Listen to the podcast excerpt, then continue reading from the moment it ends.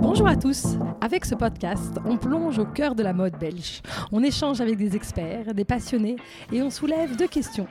Que se passe-t-il dans la mode au-delà des images parfaites véhiculées par les réseaux sociaux? Et puis, quels sont tous ces métiers qui constituent ce secteur si riche et dynamique? Je m'appelle Astrid. Et Lien.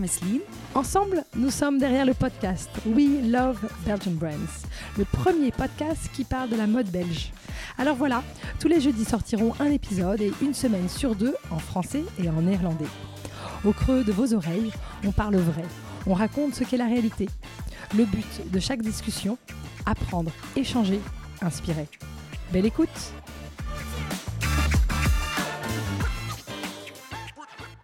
Lors d'une soirée roller coaster, de celle dont on parle avec Émilie Duchesne, épisode 29, et Clio Goldbrenner, épisode 41, je rencontre la pétillante Marie Guérin. Elle est rédactrice en chef au L Belgique et L Belrieux et parle sans langue de bois, avec dynamisme et précision, de la presse et ses enjeux. C'est un bonbon sucré pour moi. Je suis une fan inconditionnelle du L, que je lis depuis mes 12 ans, et c'est un titre clé pour le secteur de la mode. Alors aujourd'hui, c'est avec une grande joie que je tends le micro à Marie Guérin, une journaliste, une rédactrice en chef, une fille de son temps, de celles qui échangent, qui partagent et qui sont curieuses sur le monde et sur les autres. J'ai plein de questions qui me brûlent les lèvres et j'espère que cette discussion vous éclairera sur les coulisses de la presse mode. Marie, bonjour. Salut Astrid et bienvenue à la maison. Ouais, en effet, quelle chance d'être euh, accueillie chez toi. Alors, euh, je commence toujours par cette première question qui est qui es-tu? Est-ce que tu peux te présenter? Et que souhaitais-tu faire quand tu étais enfant? Donc moi c'est Marie, euh, je vis à Bruxelles. Euh, je viens d'une petite ville qui s'appelle Sambreville qui est à 15 minutes de Namur. Donc j'ai vraiment grandi euh, en province jusqu'à mes 18 ans. Puis je suis venue à Bruxelles et, et voilà, j'adore cette ville. Donc je suis plutôt quelqu'un d'urbain. Cool. et donc quand j'étais petite, je rêvais d'être journaliste. En fait depuis que j'ai 10 ah. ans, ça j'en suis sûre, je me suis acheté mon premier dictaphone pour aller faire des micro-trottoirs dans ma petite ville. Euh, et puis à 12 ans, je me suis acheté une caméra pour pouvoir faire des JT. Ah, génial Et en fait, ça m'a jamais quitté. Donc, euh, je voulais être grand reporter, et puis voilà. Et c'était quoi tes sujets de prédilection à, 10 ans? Alors, j'aimais bien l'idée de voyager. Donc, euh, tu vois, je m'imaginais dans des pays lointains, en train de faire découvrir des tribus, des, des personnes, des façons de vivre, des coutumes tout à fait différentes de celles qu'on connaît. C'était un petit peu Cool. Et alors, entre ce rêve d'enfant et ta réalité aujourd'hui de rédactrice en chef du L, que s'est-il passé? C'est quoi ton, parcours? Bah, J'ai été rattrapée par la réalité. mais en même temps. En même temps, je, je pas tellement parce que finalement, je, je, voyage beaucoup et euh, j'ai vraiment poursuivi mon rêve. Donc, c'est une, une, jolie histoire. Mais euh, en fait, donc, je, sachant que je voulais être journaliste, j'ai très vite réfléchi à ce que j'allais mettre en place pour y arriver. Et donc, je me suis inscrite à l'IEX, qui est une école de, communication très pratique en 5 ans. Et donc là, très vite, en première année, je me suis rendu compte qu'on était beaucoup à avoir la même ambition que moi et qu'il fallait que je fasse un choix stratégique. Et c'est vraiment là que je me suis plongée dans la presse féminine et que je me suis dit, mais finalement, en Belgique, quels sont les médias encore vraiment engagés, euh, qui prennent position dans des causes importantes? Et je me suis dit bah, que les magazines féminins, finalement, étaient très engagés parce qu'ils euh, suivent les femmes dans leur, combat quotidien.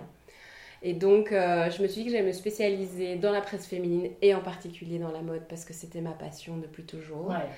Et donc, dès le début de, de mes études, en fait, euh, j'ai commencé à choisir des sujets qui étaient en rapport avec ça. Tu sais, au moment où on te demande de faire plein d'interviews, de faire aussi des micro-trottoirs, de couvrir des sujets, systématiquement, j'allais dans des sujets euh, de lifestyle ou féminin ou société. as des exemples euh, de tes premiers sujets?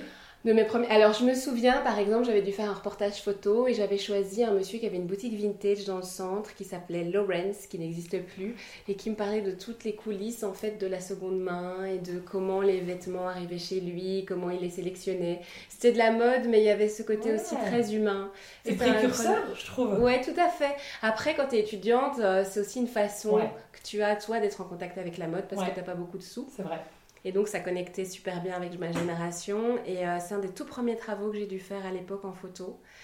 Et, euh, et donc, ça m'a permis déjà de rencontrer pas mal de gens dans ce secteur, mine mhm. de rien. Tu vas toquer aux portes, tu vas voir un petit peu, tu vas poser des questions, tu essaies de comprendre comment ça fonctionne. Et un des jobs que j'ai pu faire, c'est l'interview de BR Coligny, qui était la rédactrice en chef du L à l'époque. Ah, waouh Et donc, euh, j'ai été dans les bureaux du L, et là, j'ai un peu vu comment ça se passait, mais c'était assez tôt, je crois que c'était en bac 2. Mais euh, très vite, ça m'a donné envie, tu vois, d'en savoir plus sur cet univers-là. Et donc les années sont passées et euh, j'ai fait mes stages de dernière année au soir et à Bel RTL parce que la radio a toujours été mon, mon média aussi de prédilection après le, le papier. Et euh, mais j'avais décidé que mon dernier stage serait au L, que j'allais essayer de m'implanter là-bas, tu vois. Et donc je suis restée six mois et j'étais engagée tout de suite. Ah waouh ouais. Ah oui, donc c'est vraiment la success story comme on, les, on rêve, quoi. Le stage qui se transforme en, comme, en, fait, en stage, en boulot. Je recommande vraiment à tout le monde de faire ça parce que même moi, aujourd'hui, quand je dois engager des personnes, on va faire sur base de stage. Parce que c'est la meilleure façon de te connecter à l'ambiance, à l'atmosphère, à la culture d'entreprise. Et, euh, et, de découvrir aussi soi, euh, qu'est-ce qu'on aime, qu'est-ce qu'on n'aime pas. Moi, c'est grâce à mes stages, honnêtement, à 19 et 20 ans, que j'ai découvert euh, la direction professionnelle que je voulais prendre dans la mode. Ouais.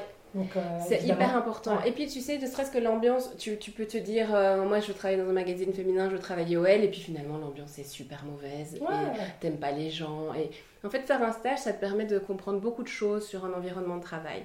Et bon, après six mois, euh, j'ai été engagée à l'époque euh, avec un plan Activa. Ça existe encore, c'est des plans qui permettent en ah fait. Et, euh, et, on était plusieurs, dont Marino, qui est la rédactrice en chef web ah, aujourd'hui. Cool. Et donc moi, on faisait du web, on était vraiment l'équipe web. C'était super chouette. on a appris énormément et puis toutes les deux, on a gravi les échelons petit à petit pour en arriver là. Et c'était vraiment une expérience incroyable. Mais du coup, ça fait 12 ans, bientôt 13 ans que je suis OL et ça fait 5 ans que je suis rédactrice en chef parce que j'ai pas bougé. comment le parcours a évolué Comment la presse a évolué Déjà, moi, sur 12 euh, ans, j'ai vu un changement énorme, mais fou. On a commencé avec le web, où on avait une première cellule web pour le L.be. Et donc là, on était déjà assez nombreux en commençant. On faisait beaucoup. Allez, je pense qu'on était peut-être 5-6. Ah on était le premier magazine féminin à avoir une vraie cellule web euh, en Belgique. Donc euh, ça nous a permis en fait euh, d'avoir le niveau qu'on a maintenant parce qu'on fait énormément de vues et, euh, et d'être leader parce qu'effectivement on a commencé assez tôt, mais alors c'était le temps des expérimentations.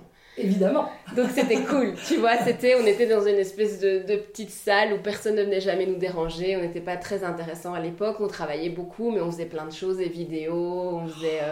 Et c'était hyper gai. On pouvait, tu vois, moi je pouvais avoir comme projet pendant une semaine de faire une vidéo de Noël, quoi, tu vois. Et je montais, je faisais des tests, j'embêtais tout le monde. Et, et c'était trop cool parce qu'on a appris beaucoup de choses techniquement aussi, et puis dans l'écriture.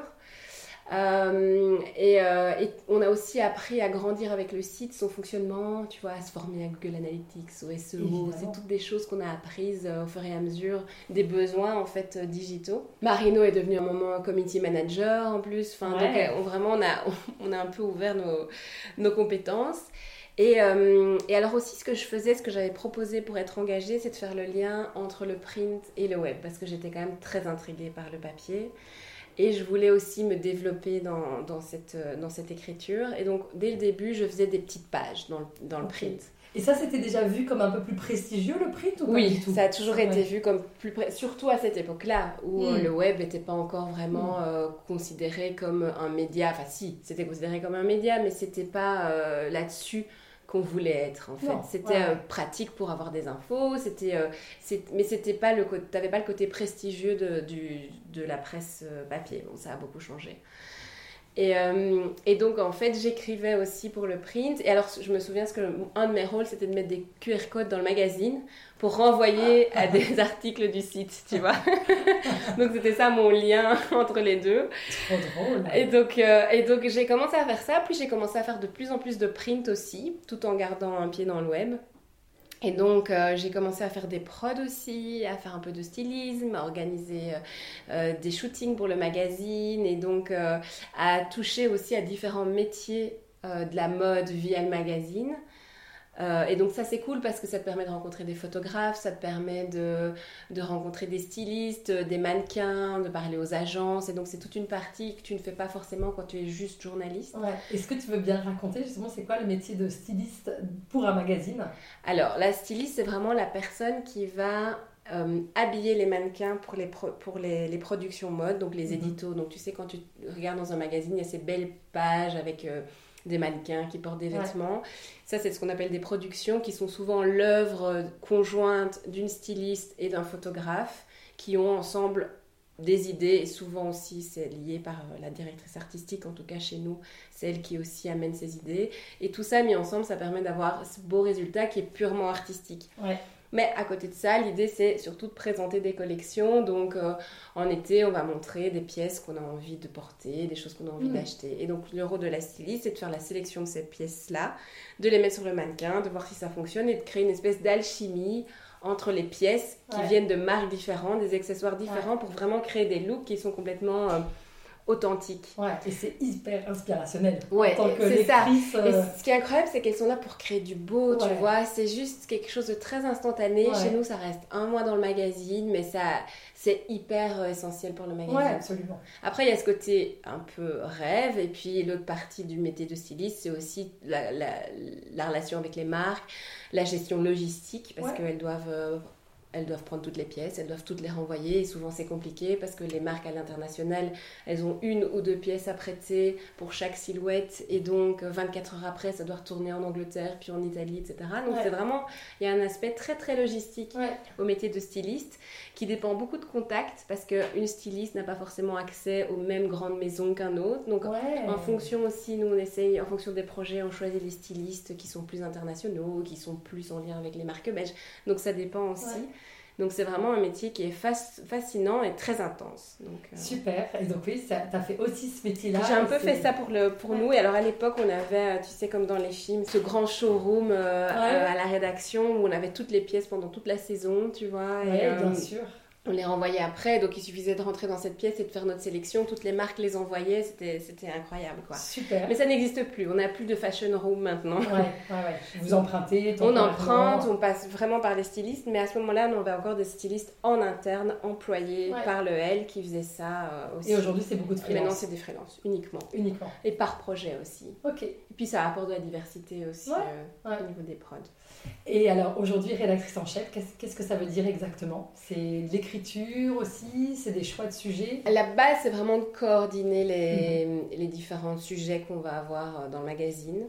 C'est manager une équipe qui est composée aussi bien de journalistes que de photographes, euh, de graphistes euh, et tout ça. C'est aussi gérer l'aspect budget, mhm. c'est gérer le lien avec les annonceurs parce que comme tu le sais, euh, notre business model est basé sur les ventes, mais aussi sur euh, les annonceurs, très mhm. important. C'est le lien aussi avec la direction qui, euh, qui, voilà, qui demande aussi une certaine constante, régularité, cohérence aussi dans la ligne éditoriale. Donc on, a un peu ce, rôle de tronc en fait. Mhm. Pour le magazine.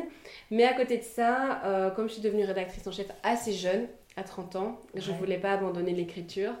Donc je continue à écrire des articles, à faire des reportages et tout dans le magazine. Et euh, annonceur, je me permets de préciser, c'est donc les marques qui viennent annoncer, donc payer des pages de publicité qui sont justement une source de revenus hyper importante pour, euh, pour le magazine.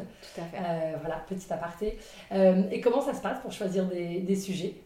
Alors, ce qui est trop cool, c'est que ça reste quelque chose de super libre. Donc, une fois par mois, en fait, sinon, il faut savoir que le magazine, on le prépare deux mois à l'avance. Ah oui. Donc, là, en, juillet, là, on vient de clôturer celui. Euh, en fait, on a commencé en mai pour euh, celui qui sort en juillet. Ah. Et là, on va commencer déjà septembre. Ok. Donc, euh, on va avoir jeudi notre réunion de rédaction pour septembre. Et là, j'ai toutes mes journalistes qui viennent. On se réunit autour d'une table. C'est toujours très convivial. On boit un petit. Combien de filles, du coup Ça dépend. ouais, alors, j'ai un journaliste euh, qui est notre journaliste culture, Greg, mais sinon, c'est que des femmes. Ouais. Euh, écoute, ça dépend, parce qu'on a une partie en Zoom aussi, mais on est toujours au minimum une dizaine. Ouais, hein à discuter parce que j'ai aussi beaucoup de propositions de freelance qui m'envoient leurs mhm. propositions tous mhm. les mois. Et donc on se réunit et là c'est vraiment je donne le micro à chacune et euh, chacune me dit ce dont elle a envie de parler pour la rentrée. Et c'est hyper cool parce qu'on échange énormément, chacune donne son avis sur les sujets des autres, un sujet peut donner une, idée d'un autre sujet, enfin tu vois on s'échange les contacts. Et donc moi pendant ce temps-là en fait je prends toutes les idées, je les note sur un petit tableau. Je suis aussi avec la secrétaire de rédaction qui, qui prend note aussi. Et euh, dès le départ, je fais un feedback. Je dis écoute, ça, c'est un chouette sujet qui m'intéresse. Écoute, ça, on en a déjà parlé. Ou c'est pas vraiment euh, mhm. pour euh, septembre. Ou, Et donc voilà. Donc, comme ça, les filles savent aussi plus ou moins vers quoi on se dirige. Et comment tu choisis? Comment tu t'écoutes Au Là, c'est vraiment le moment où j'essaie de mettre à la place d'une lectrice. Je me dis ok, ça, j'ai envie de le lire ça j'ai envie de lire ce truc, ça j'ai pas encore vu quelque part, ça c'est pas la xème fois qu'on en parle, ça c'est vraiment un truc j'ai envie de le lire parce que je suis avant tout une lectrice de magazine aussi. Évidemment. Et donc je me dis ok ça c'est intéressant, oh, tiens euh, à la place euh, d'une femme aujourd'hui, euh, ce qu'elle recherche, ses intérêts, etc. Ben voilà c'est exactement ce qu'il me faut. Et puis alors on n'est pas non plus représentatif de toute notre cible, mhm. donc on essaye aussi de, de garder tu vois en tête des personnes qui sont par exemple moi je n'ai pas d'enfant, mais je vais quand même essayer de faire en sorte d'avoir des sujets qui vont intéresser. donc c'est ça qui est chouette d'avoir un panel de femmes différentes, c'est qu'on a des âges totalement différents, on a des intérêts différents. Et donc si euh, un sujet va en intéresser plusieurs, on se dit ok c'est que là il y a quelque chose d'intéressant. Donc, il faut euh, sacrément se renouveler. Oui, et après 12 ans, après 5 ans, évidemment qu'il y a beaucoup de choses dont tu as déjà entendu parler. quoi. Après, euh, c'est quand même fascinant la créativité euh, que les gens ont. Parce qu'en fait, c'est un métier de connexion, de, de, curiosité aussi. Et donc, elles rencontrent toujours des personnes qui vont leur revenir avec une histoire auquel elles n'avaient jamais pensé et qui elles-mêmes va les intéresser. Et vous êtes complètement déconnecté de ce qui se passe au L France ou L Angleterre ou L US On s'en fiche, ça, c'est pas votre. Déconnecté, oui et non, dans la mesure comme on est sur un grand réseau de 46 éditions, en fait, on mmh. peut récupérer les histoires et les projets euh, des autres euh, éditions. Oui. Donc, c'est ce qui fait que je fais avoir Beyoncé en cover parce qu'elle vient pas en Belgique. D'accord, c'est ça. Mais du coup, on a toujours un œil sur ce qui se passe ailleurs parce qu'effectivement, pour tous les gros sujets internationaux, on va essayer d'avoir euh, vraiment les stars que les autres magazines peuvent se procurer. Donc, pour, en ça, on est connecté, mais sinon, on n'a pas d'obligation envers les autres éditions. Moi, mon obligation, c'est vraiment de respecter la ligne et les valeurs de la marque, mais sinon, je mets ce que je veux dans le magazine. C'est chouette. Et oui, et en fait, ce qui est cool, c'est que moi, du coup, euh, la grande majorité, je dirais 90% du magazine est fait en Belgique par mhm. des journalistes belges, mhm. donne du travail à des Belges et surtout parle de Belges, de créateurs belges, de dress belges et de voilà. Et quelle est la ligne et les valeurs alors de du L Waouh Alors, euh, la ligne, alors elle a évolué aussi parce qu'au moment où, où, le L a été créé, c'était en 1945. Bon, ça avait déjà un but d'émancipation des femmes et de soutenir les femmes. Mais là où, euh, par exemple, dans les premiers magazines, on donnait des conseils d'hygiène et on recommandait aux femmes de se laver euh, tous les jours, Aujourd'hui, on est plutôt, euh, on va accompagner les femmes, par exemple les entrepreneurs, mhm. par exemple, euh, on va aussi soutenir les grands sujets société comme mhm. euh, l'inclusivité, la durabilité, mhm. donc qui sont souvent des, des projets qui sont portés par des femmes d'ailleurs. Et puis il y a aussi tout ce qui est grands sujets internationaux, les ce qui se passe en Iran, on va toujours regarder les problématiques liées, enfin, voilà, qui, qui, touchent les femmes partout dans le monde. Après, je vais pas te mentir, on n'est pas super engagé. Moi, depuis que j'ai repris en main le L, on a un peu perdu euh, l'aspect militant qu'on pouvait avoir sous Béa, qui elle vraiment était, avait ce côté très engagé, pour avoir plutôt, plutôt un côté où on va donner de la visibilité. Ok. Donc on va pas créer d'association. De... C'est un choix parce qu'il faut, euh, en fait, on est de moins en moins nombreuses et il faut gérer nos énergies. Et donc euh, vraiment, on a un rôle où on passe le micro où on met la lumière, où on a de la visibilité, mais euh, on va pas euh, créer d'associations, créer des projets, soutenir. Voilà. Mais, euh, mais donc les valeurs, c'est la bienveillance, le soutien aux femmes, c'est la sororité, c'est c'est ce dont on a besoin aujourd'hui quand on est une femme et qu'on a mille choses à gérer, qu'on on se pose mille questions et que voilà. Donc en fait, c'est à la fois des problématiques qui sont très ancrées dans le quotidien, mhm. mais aussi beaucoup d'inspiration, euh, beaucoup de divertissement. On essaye aussi de, de, changer les idées, de faire rêver. Quoi. Ouais, c'est vrai que c'est ça aussi qu'on vient chercher quand on achète euh, le L. Du beau, du divertissement. Euh. C'est quoi les enjeux de la presse et du L pour toi aujourd'hui? Alors il y a plusieurs enjeux parce que si on prend vraiment les enjeux, je veux dire économiques, mhm. Bah, les, ventes se font de moins en moins, on a de moins en moins de ventes et ça c'est conjoncturel, c'est pas juste le L, c'est toute la presse en général. Euh, on va vers un modèle euh, où. Euh, Est-ce que le web a compensé? Non, Ça, ça compense pas. En fait, on a vraiment découvert que c'est deux moments de lecture totalement différents. Vrai, Donc qui se complètent à merveille, mais qui vont pas forcément fonctionner en base communicant. Donc tu vas avoir la même lectrice qui va aller chercher une certaine information sur le site, une certaine information dans, dans le print, mais, le, mais ça va pas forcément être l'une qui remplace l'autre, tu vois. Donc ça va être des moments. Donc le magazine, je l'associe vraiment au moment où tu te fais plaisir, où tu as du temps pour toi, où tu te dis je vais me poser avec mon petit café, je vais lire mon magazine. Donc c'est super chouette parce que ça veut dire qu'on a toute l'attention des gens quand ils prennent un magazine. Quand ils prennent un magazine, ils voient les pubs, ils, lisent à fond, ils voient les différents degrés de lecture et c'est vraiment quelque chose de très fort. Encore faut-il qu'ils aient le magazine en main. Ce qui, nous, est notre vrai challenge maintenant. Donc euh, si on parle des enjeux, ben, c'est ça, c'est... Euh, Comment faire en sorte de donner envie aux gens d'aller en librairie, ce qui n'est pas toujours l'endroit le plus glamour au monde, pour aller chercher son magazine Comment faire en sorte que on, ait cet engagement de la personne Parce qu'aujourd'hui, aller chercher ton magazine, aller payer 5,95€, c'est un vrai engagement, c'est une vraie démarche. Donc, euh, on a ça comme premier enjeu. Euh, parce que moi, je reste persuadée que la qualité du magazine est toujours au rendez-vous, mais il faut que la lectrice le sache et ait envie de faire la démarche. Euh, et puis ensuite, il y a diversifier la marque. Aujourd'hui, on a diminué notre parution. Donc avant, c'était un numéro par mois, donc 12 numéros par an. Maintenant, c'est 9 parce qu'on a certains numéros qui sont couplés. Parce que le magazine est plus gros, il est plus qualitatif euh, en termes de production, etc. Mhm. Il est plus cher, mais du coup, il y a moins de, il y a moins de numéros.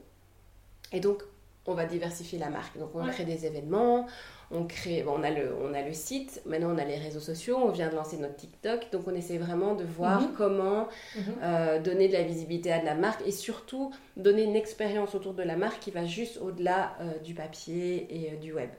Donc ça, c'est vraiment ce que moi, je suis en train de développer maintenant. C'est réfléchir à des concepts marketing, à des, choses qui nous permettent d'être en, en, lien avec la lectrice. Donc on a des événements, mais alors ça va du micro-event. Là, par exemple, on va faire notre premier lancement euh, de numéro. Donc avant, on n'avait pas d'event de lancement pour chaque magazine. Et là, on va commencer avec notre spécial sexe. Et on va faire un sex talk avec trois expertes que je vais interviewer. Et là, on aura 50 lectrices qui vont pouvoir assister, qui vont avoir des goodie bags avec un sextoy, etc. Chouette. Et donc, euh, et c'est une façon aussi, si tu veux, de, d'externaliser le contenu du magazine. Donc, ce sont des expertes qui sont dans le magazine et qui vont parler, à qui on va pouvoir poser nos, questions directement. Et donc, si tu veux, on fait vivre notre contenu, mais en live. Ouais. Et, euh, et, de créer du lien, de voilà, la communauté, c'est ça. ce qu'elle euh, sait faire. Exactement, et chaque lectrice recevra son magazine, et donc ça permet, tu vois, d'avoir toujours ce contact avec le print, mais en même temps de faire évoluer, parce qu'évidemment l'événement sera sur, relayé sur les réseaux et tout. Donc voilà, le deuxième enjeu, c'est vraiment de faire vivre la marque et à travers de nouvelles expériences. Ouais. Euh, donc voilà, et puis sinon, c'est continuer à maintenir la qualité en sachant que si on a moins de ventes, on a moins de revenus, on a moins de budget, et pourtant on doit maintenir la qualité du magazine. Mais euh, une production, ça coûte très cher. Payer des freelances, pouvoir leur maintenir un certain, euh, un certain tarif, ça, ça a un prix. Et, euh, et, les, et les équipes se réduisent. Donc voilà, ça, c'est moi un, de mes enjeux euh, d'un point de vue éditorial. Quoi, Passionnant, merci pour toutes ces infos, c'était hyper intéressant. Il y a beaucoup de gens qui ont des marques, qui, qui écoutent ce podcast et qui évidemment rêveraient d'avoir un article dans le L. Euh, comment faire? Est-ce que c'est via un bureau de presse? Euh, Comment ça se passe? Alors, je comprends parce que c'est pas facile en fait. On est de moins en moins nombreuses, on est de plus en plus sollicitées, mais en même temps, c'est tout à fait légitime si on a une chouette marque, on a envie qu'on parle de nous. Mais du coup, la première question que je pose, c'est euh, est-ce que vous avez besoin de la presse? Et si oui, est-ce que c'est le bon moment pour vous? Parce que, encore une fois, il y a plusieurs façons de communiquer, il y a plusieurs euh, médiums pour communiquer, la presse en étant parmi d'autres. Donc la première chose que je dirais, le premier fil, c'est de se demander est-ce que c'est le bon moment pour moi en tant que marque de communiquer dans la presse? La presse a beaucoup d'avantages. Ça permet d'assurer une crédibilité, ça permet de, de oui, de, une crédibilité auprès de l'industrie, auprès de ses pairs. Ça permet aussi de donner euh, une certaine constance, une certaine consistance plutôt à, une marque, lui donner euh, une ampleur, dire voilà, ça a été reconnu par euh, un professionnel qui a mm. décidé de donner son crédit à, à cette marque. Donc ça a beaucoup d'intérêt de le faire, mais c'est pas forcément ça qui va tout de suite ramener des clients. Par exemple. Et le bon moment, ce serait par exemple pour toi quand la marque a déjà un réseau de distributeurs, déjà des points de vente. Exactement. Donc euh, il faut déjà être un peu installé. Il faut mm. que la lectrice qui lise mm. et se dit oh, ok, je peux facilement trouver la marque. Mm. Il faut que la marque, euh, oui, soit déjà assez assise, donc elle ait déjà quelques saisons et donc on sait voilà que c'est quelque chose d'installé. Euh, et donc à ce moment-là, je pense que la stratégie de presse est super intéressante. Et donc, comment ça fonctionne euh, Alors, moi, je reçois au minimum 200 mails par jour à traiter.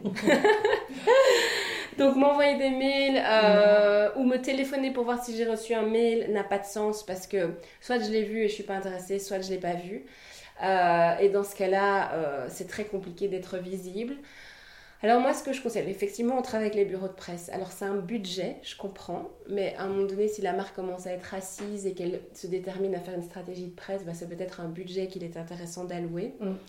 Pourquoi? Parce que le bureau de presse, en fait, il a une oreille attentive, on a vraiment des contacts personnels avec eux et ils connaissent très très bien les médias. Donc, je sais que l'attaché de presse, il va me téléphoner, c'est exactement ce que j'aime mettre dans le magazine quel type de sujet j'ai envie de traiter. Elle va venir vers moi en disant écoute Marie, ça c'est vraiment un truc pour toi, il y a cet angle qui serait génial pour le L. Et donc elle va déjà avoir une démarche où elle aura une oreille attentive.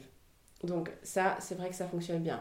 Les, bureaux de presse euh, organisent des events aussi et vont vraiment cibler les magazines les plus importants parce qu'il ne faut pas chercher toute la presse. Il faut vraiment la presse avec l'audience qui correspond à votre clientèle, mm. à votre marque ou à, ce que, à l'image que vous voulez donner.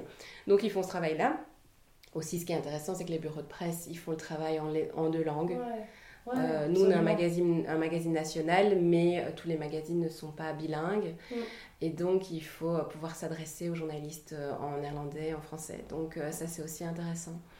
Donc, effectivement, il y a les bureaux de presse et puis il y a le contact direct. Alors, moi, pour l'instant, je suis encore joignable sur Instagram parce que j'ai encore une petite communauté donc euh, je prends le mm. temps de, répondre à tout le monde, dire oui, dire non, dire envoie-moi un CP, tu mets bien en CP qu'on s'est dit ça, euh, dans l'objet qu'on s'est dit ça, comme ça je me souviens de toi, et là je réponds. Alors la réponse est peut-être négative, mais en, général j'essaie vraiment de faire un feedback. Euh, voilà pourquoi est-ce que je peux pas utiliser tes photos parce que pour l'instant la qualité, j'ai fait ça récemment. Une super chouette marque, super projet, mais encore trop euh, amateur dans le, mhm. dans le développement. Et moi, je lui ai dit, je peux pas utiliser tes photos parce que ça correspond pas à ce qu'on met dans le magazine. Mais fais un petit peu, euh, tu vois, euh, apprends, grandis et apprends parlera de toi. Super, mais je pense que c'est un très bon conseil à donner parce que moi qui suis du côté développement commercial, je vois beaucoup de marques qui dépensent beaucoup d'argent, de budget, d'énergie pour justement séduire la presse alors même qu'ils ne sont pas encore prêts. Voilà. Et je me dis souvent, essaye de séduire des clients. Oui. Et avant de séduire la presse, donc je suis ravie de t'entendre dire ça parce que je pense que c'est euh, c'est quelque chose, euh, c'est parfois, tu sais, le, la poule avant l'œuf. Les gens pensent qu'il faut avoir de la presse pour avoir des clients et, moi je pense l'inverse. Je pense qu'il faut d'abord avoir des clients pour avoir la presse, mais je pensais que je disais ça parce que j'étais du côté commercial, mais donc du coup, je suis tout à fait d'accord avec toi. C'est hyper agréable d'entendre ça. Ouais, Je suis tout à fait d'accord. Et nous, et nous d'ailleurs, si euh, si une marque est vraiment trop en early stage, qui est vraiment tout début, on va pas parce qu'on doit attendre de voir comment ça va se développer parce qu'il y a plein de gens qui lancent, qui lancent des projets et puis ça fonctionne pas. Puis ça, Donc nous, il faut qu'on garantisse aussi à la lectrice qu'elle va vraiment trouver quelque chose qui est déjà un peu rodé. Je, suis tout à fait d'accord. Mais ça reste notre rôle aussi de euh, parler euh, de jeunes créateurs et de montrer les nouvelles générations et pas tout le temps euh, des mêmes noms. Donc, ouais, d'être un peu chasseur. Voilà, c'est ça, et c'est ça qui est excitant. C'est notre métier. Donc évidemment, il faut trouver le bon moment. Alors, le contact direct et alors aller dans des événements. Mm. Par exemple, là, c'était les shows à Anvers et à l'Académie. Toute la presse était là.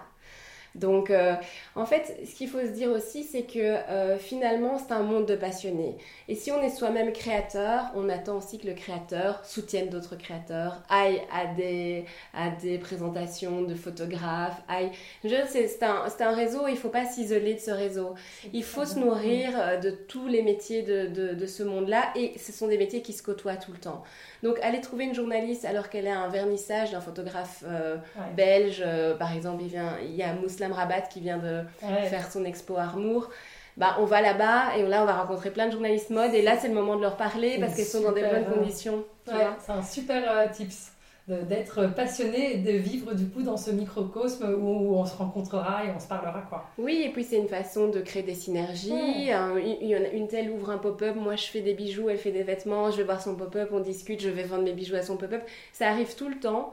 C'est porteur de plein de choses et de plein d'inspirations et c'est euh, et c'est beaucoup plus authentique comme démarche que de juste envoyer un mail et voilà. Chouette, c'est déjà plein de super conseils que tu donnes à, des, à des, marques qui, qui, veulent se lancer. Est-ce que tu as d'autres conseils que tu aurais en tête pour des marques qui veulent se, se lancer? Qu'est-ce qu'elles devraient savoir? Déjà, j'ai envie de leur dire que c'est trop bien. Donc euh, franchement, euh, vraiment, c'est super. Je trouve qu'on a besoin de, de, de, de, gens qui ont le mhm. courage de lancer, de lancer leur entreprise. Donc déjà, j'ai envie de leur dire de s'accrocher et d'y aller. Et, euh, et de, pousser toutes les portes. Je pense que c'est l'audace, c'est d'être disruptif aussi, c'est c'est de faire des choses auxquelles personne ne s'attend et euh, qui, qui, va vraiment permettre en fait de, faire la différence parce qu'il y a énormément de propositions aujourd'hui. Tout le monde peut lancer sa marque, donc comment faire la différence en, en étant original et créatif? Donc il ne faut pas suivre la tendance, il ne faut pas vouloir reproduire quelque chose, il faut vraiment être authentique et fidèle à soi-même. Et nous, c'est ça qui nous intrigue aussi quand on doit parler d'une marque, c'est oh tiens, j'ai jamais vu ça, mais c'est super original et c'est pas Xème euh, marque euh, qui, qui, lance la même chose. Génial. Donc je pense que rester euh, fidèle à soi-même. et puis alors on a de la chance, c'est qu'en Belgique, on a beaucoup d'aides. Alors elles sont pas faciles à trouver, mais donc se faire aider. Donc des personnes comme toi, des personnes qui sont au carrefour de plein de professionnels de plein de subsides parce qu'il y a énormément de choses qui sont mises en place pour aider les créateurs. Et donc, allez-y, allez frapper aux portes, euh, postuler pour des bourses, pour des subsides parce que souvent, ça permet de rentrer dans un réseau aussi avec d'autres professionnels et c'est toujours très, très enrichissant euh, en termes euh, de compétences et de retour. C'est super tout ce que tu dis, je suis tout à fait d'accord. on parle ici de mode belge. c'est quoi pour toi la mode belge? Comment tu la définirais en quelques mots? Sachant que nous n'avons pas 1h30. Écoute, c'est super dur parce qu'on que euh, on aurait tendance à dire que la mode belge, c'est la mode des années 80 avec les six d'Anvers, etc. Mais, euh, mais ça l'est en partie parce que c'est eux qui ont permis de mettre sur la carte la mode belge, qui nous ont permis d'aller défiler à Paris, etc. Mais ce n'est pas que ça, parce que pour moi, la mode belge, c'est vraiment cette espèce de tissu créatif et super... Euh, original et on parlait de, choses disruptives et pour moi c'est ça. Donc, euh, tu vois, si je pense à des créateurs comme Ruchemi Butter ou Glenn Martens, euh, c'est euh, cette espèce d'énergie à déconstruire un système, à imaginer de nouvelles manières d'agréger des matières, du dénime, des pièces recyclées. Il y, a vraiment ce côté où on se soucie moins des enjeux. Euh, tu vois, on, crée des nouvelles propositions. Et moi, j'aime bien. Et quand je vais au, quand je vais au défilé de la Cambre et, de l'Académie, j'adore voir ce côté, euh, tu vois, où, on réinvente les choses, les volumes. Et, euh, et donc, ça, je pense que la, mode belge, ça restera toujours ce côté Margiela. Ouais, tu vois. Ce côté, waouh. Wow, avec d'excellentes écoles, comme tu viens de les citer, hein, la Cambre, l'Académie d'Anvers, qui vient justement créer cette génération de, de Belges ou pas d'ailleurs mais euh, très formé à en effet une esthétique du vêtement, une architecture de la coupe. Tout à fait. Ouais, on est dans, dans l'art du vêtement et euh, je suis super fière de ça. Elle, par rapport à la mode belge, justement, de Belgique. Ah bah, notre rôle, c'est de la montrer. Vraiment, la, la montrer, d'en parler, euh, de, de, de, mettre les projecteurs en maximum et de manière la plus large et la plus variée sans oublier les marques, euh, tu sais, un peu tutélaires, euh, qu'on attend par exemple, qui sont là depuis toujours et qui euh, sont des viviers de formation, de, de, de, partage énorme. Donc nous, c'est vraiment de faire le pont entre toutes les générations de créateurs et de permettre aux gens d'être toujours connectés à ce qui se fait. C'est super, en effet, les grands qui ont montré la voie et qui inspirent les plus jeunes, qui arrivent avec un nouveau dynamisme. La lectrice du L, elle, elle est de tout âge, à ton avis? Oui, euh, oui tout à fait. Alors, il y a, ce qui est intéressant, c'est qu'il y a une vraie transmission du magazine euh, entre générations. Euh, donc, tout à fait. Alors, nous, on dit entre 25 et 50, mais c'est beaucoup plus large en fait. Euh, parce que euh, l'autre j'étais dans le train, il y avait une dame de 60 ans qui avait le magazine et qui le lisait. Et ça dépend aussi des numéros.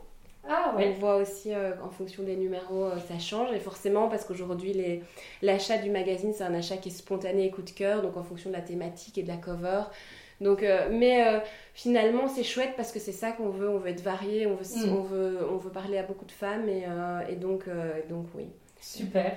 Et alors ma dernière question, c'est toujours euh, la même. Qui dans le secteur de la mode belge tu trouves euh, inspirant ou avec une histoire incroyable et que tu souhaiterais donc écouter euh, à ce micro? Bah Alors je te disais déjà des créateurs que j'aime bien, Rugemi Botter et Glenn Martens. Des super idées déjà. Mais je pensais aussi par exemple à Esther Manas qui fait un boulot incroyable pour l'inclusivité dans la mode, qui est aussi une demoiselle très très chouette, très fraîche, très intéressante, très généreuse. Donc j'aimerais bien un, peu écouter son parcours parce que je sais qu'ils ont tout lancé à deux avec euh, son mari, enfin, mhm. futur mari Balthazar. Et euh, je suis curieuse de savoir quel a été son parcours pour lancer sa marque. Moi, elle a été finaliste du prix LVMH, hein, donc, euh, mais, mais très très beau parcours, donc passionnant. Et puis il y a des gens qui ne sont pas forcément des créateurs, mais qui ont des rôles clés. Mhm. Par exemple, Alison McGrill qui a lancé The Fabric Sales qui euh, aujourd'hui en fait c'est une, euh, c'est une boîte qui récupère les tissus de grands créateurs qu'on peut acheter pour un quart du prix. Qui faut, et ces, ces, tissus sont super fort utilisés par les étudiants aussi, mais par les petites marques qui aiment bien être dans la circularité. Et c'est super parce qu'elle a, elle a, elle a vraiment été une des premières à créer ça en Belgique et donc à proposer ce service. Génial. Et, euh, et c'est hyper intéressant de voir comment elle a développé ça. Des photographes, Mouslam Rabat, ah incroyable. super idée. Euh, Dirk Alexander, avec qui on travaille, Stephen Matthews, c'est tous des photographes qui sont là depuis très longtemps et qui euh, photographient la mode depuis toujours, aussi bien des street style que de la prod. Et, euh, et ils sont vraiment, vraiment passionnants. Donc oui, il y a un vivier de, de, créatifs en Belgique inépuisable. Et d'acteurs qui ont chacun leur rôle différent. Et c'est ça aussi que j'aime bien montrer avec ce podcast, qui viennent rendre ce secteur de la mode belge si dynamique et si riche. Oui. Un grand merci à toi, Marie. Merci à toi. Est-ce que tu vas ajouter quelque chose? Non, en tout cas, je trouve ton initiative géniale. Euh, je trouve que c'est super cool de donner de temps ton micro comme ça. J'aurais adoré, étudiante, de pouvoir découvrir les différents métiers pour pouvoir aussi faire un choix. Bon, je savais que je voulais être journaliste, mais je pense que euh, c'est c'est passionnant en tout cas. C'est trop gentil. En tout cas, c'est vrai que ça part un peu de cette idée-là qu'à 15 ans, en regardant le L depuis tant d'années, je réfléchissais vraiment à j'ai trop envie de travailler dans la mode, mais en n'ayant aucune idée de ce que ça voulait dire et de ce que ça pourrait vouloir dire. Et voilà, et donc du coup, je trouve ça hyper intéressant en effet de pouvoir euh, découvrir moi-même, encore maintenant à mes 40 ans, les différents métiers qu'il y a et de justement pouvoir inspirer potentiellement euh, des plus jeunes qui ont encore toute la vie devant eux. Eh ben, c'est génial. Trop bien. Merci à toi. Moi, j'ai aussi adoré euh, mieux comprendre les coulisses du L et voilà, et comment on trouve des des sujets et la métier de rédactrice en chef, qui est un vrai métier de chef d'orchestre. quoi. C'est ça. Trop bien, merci.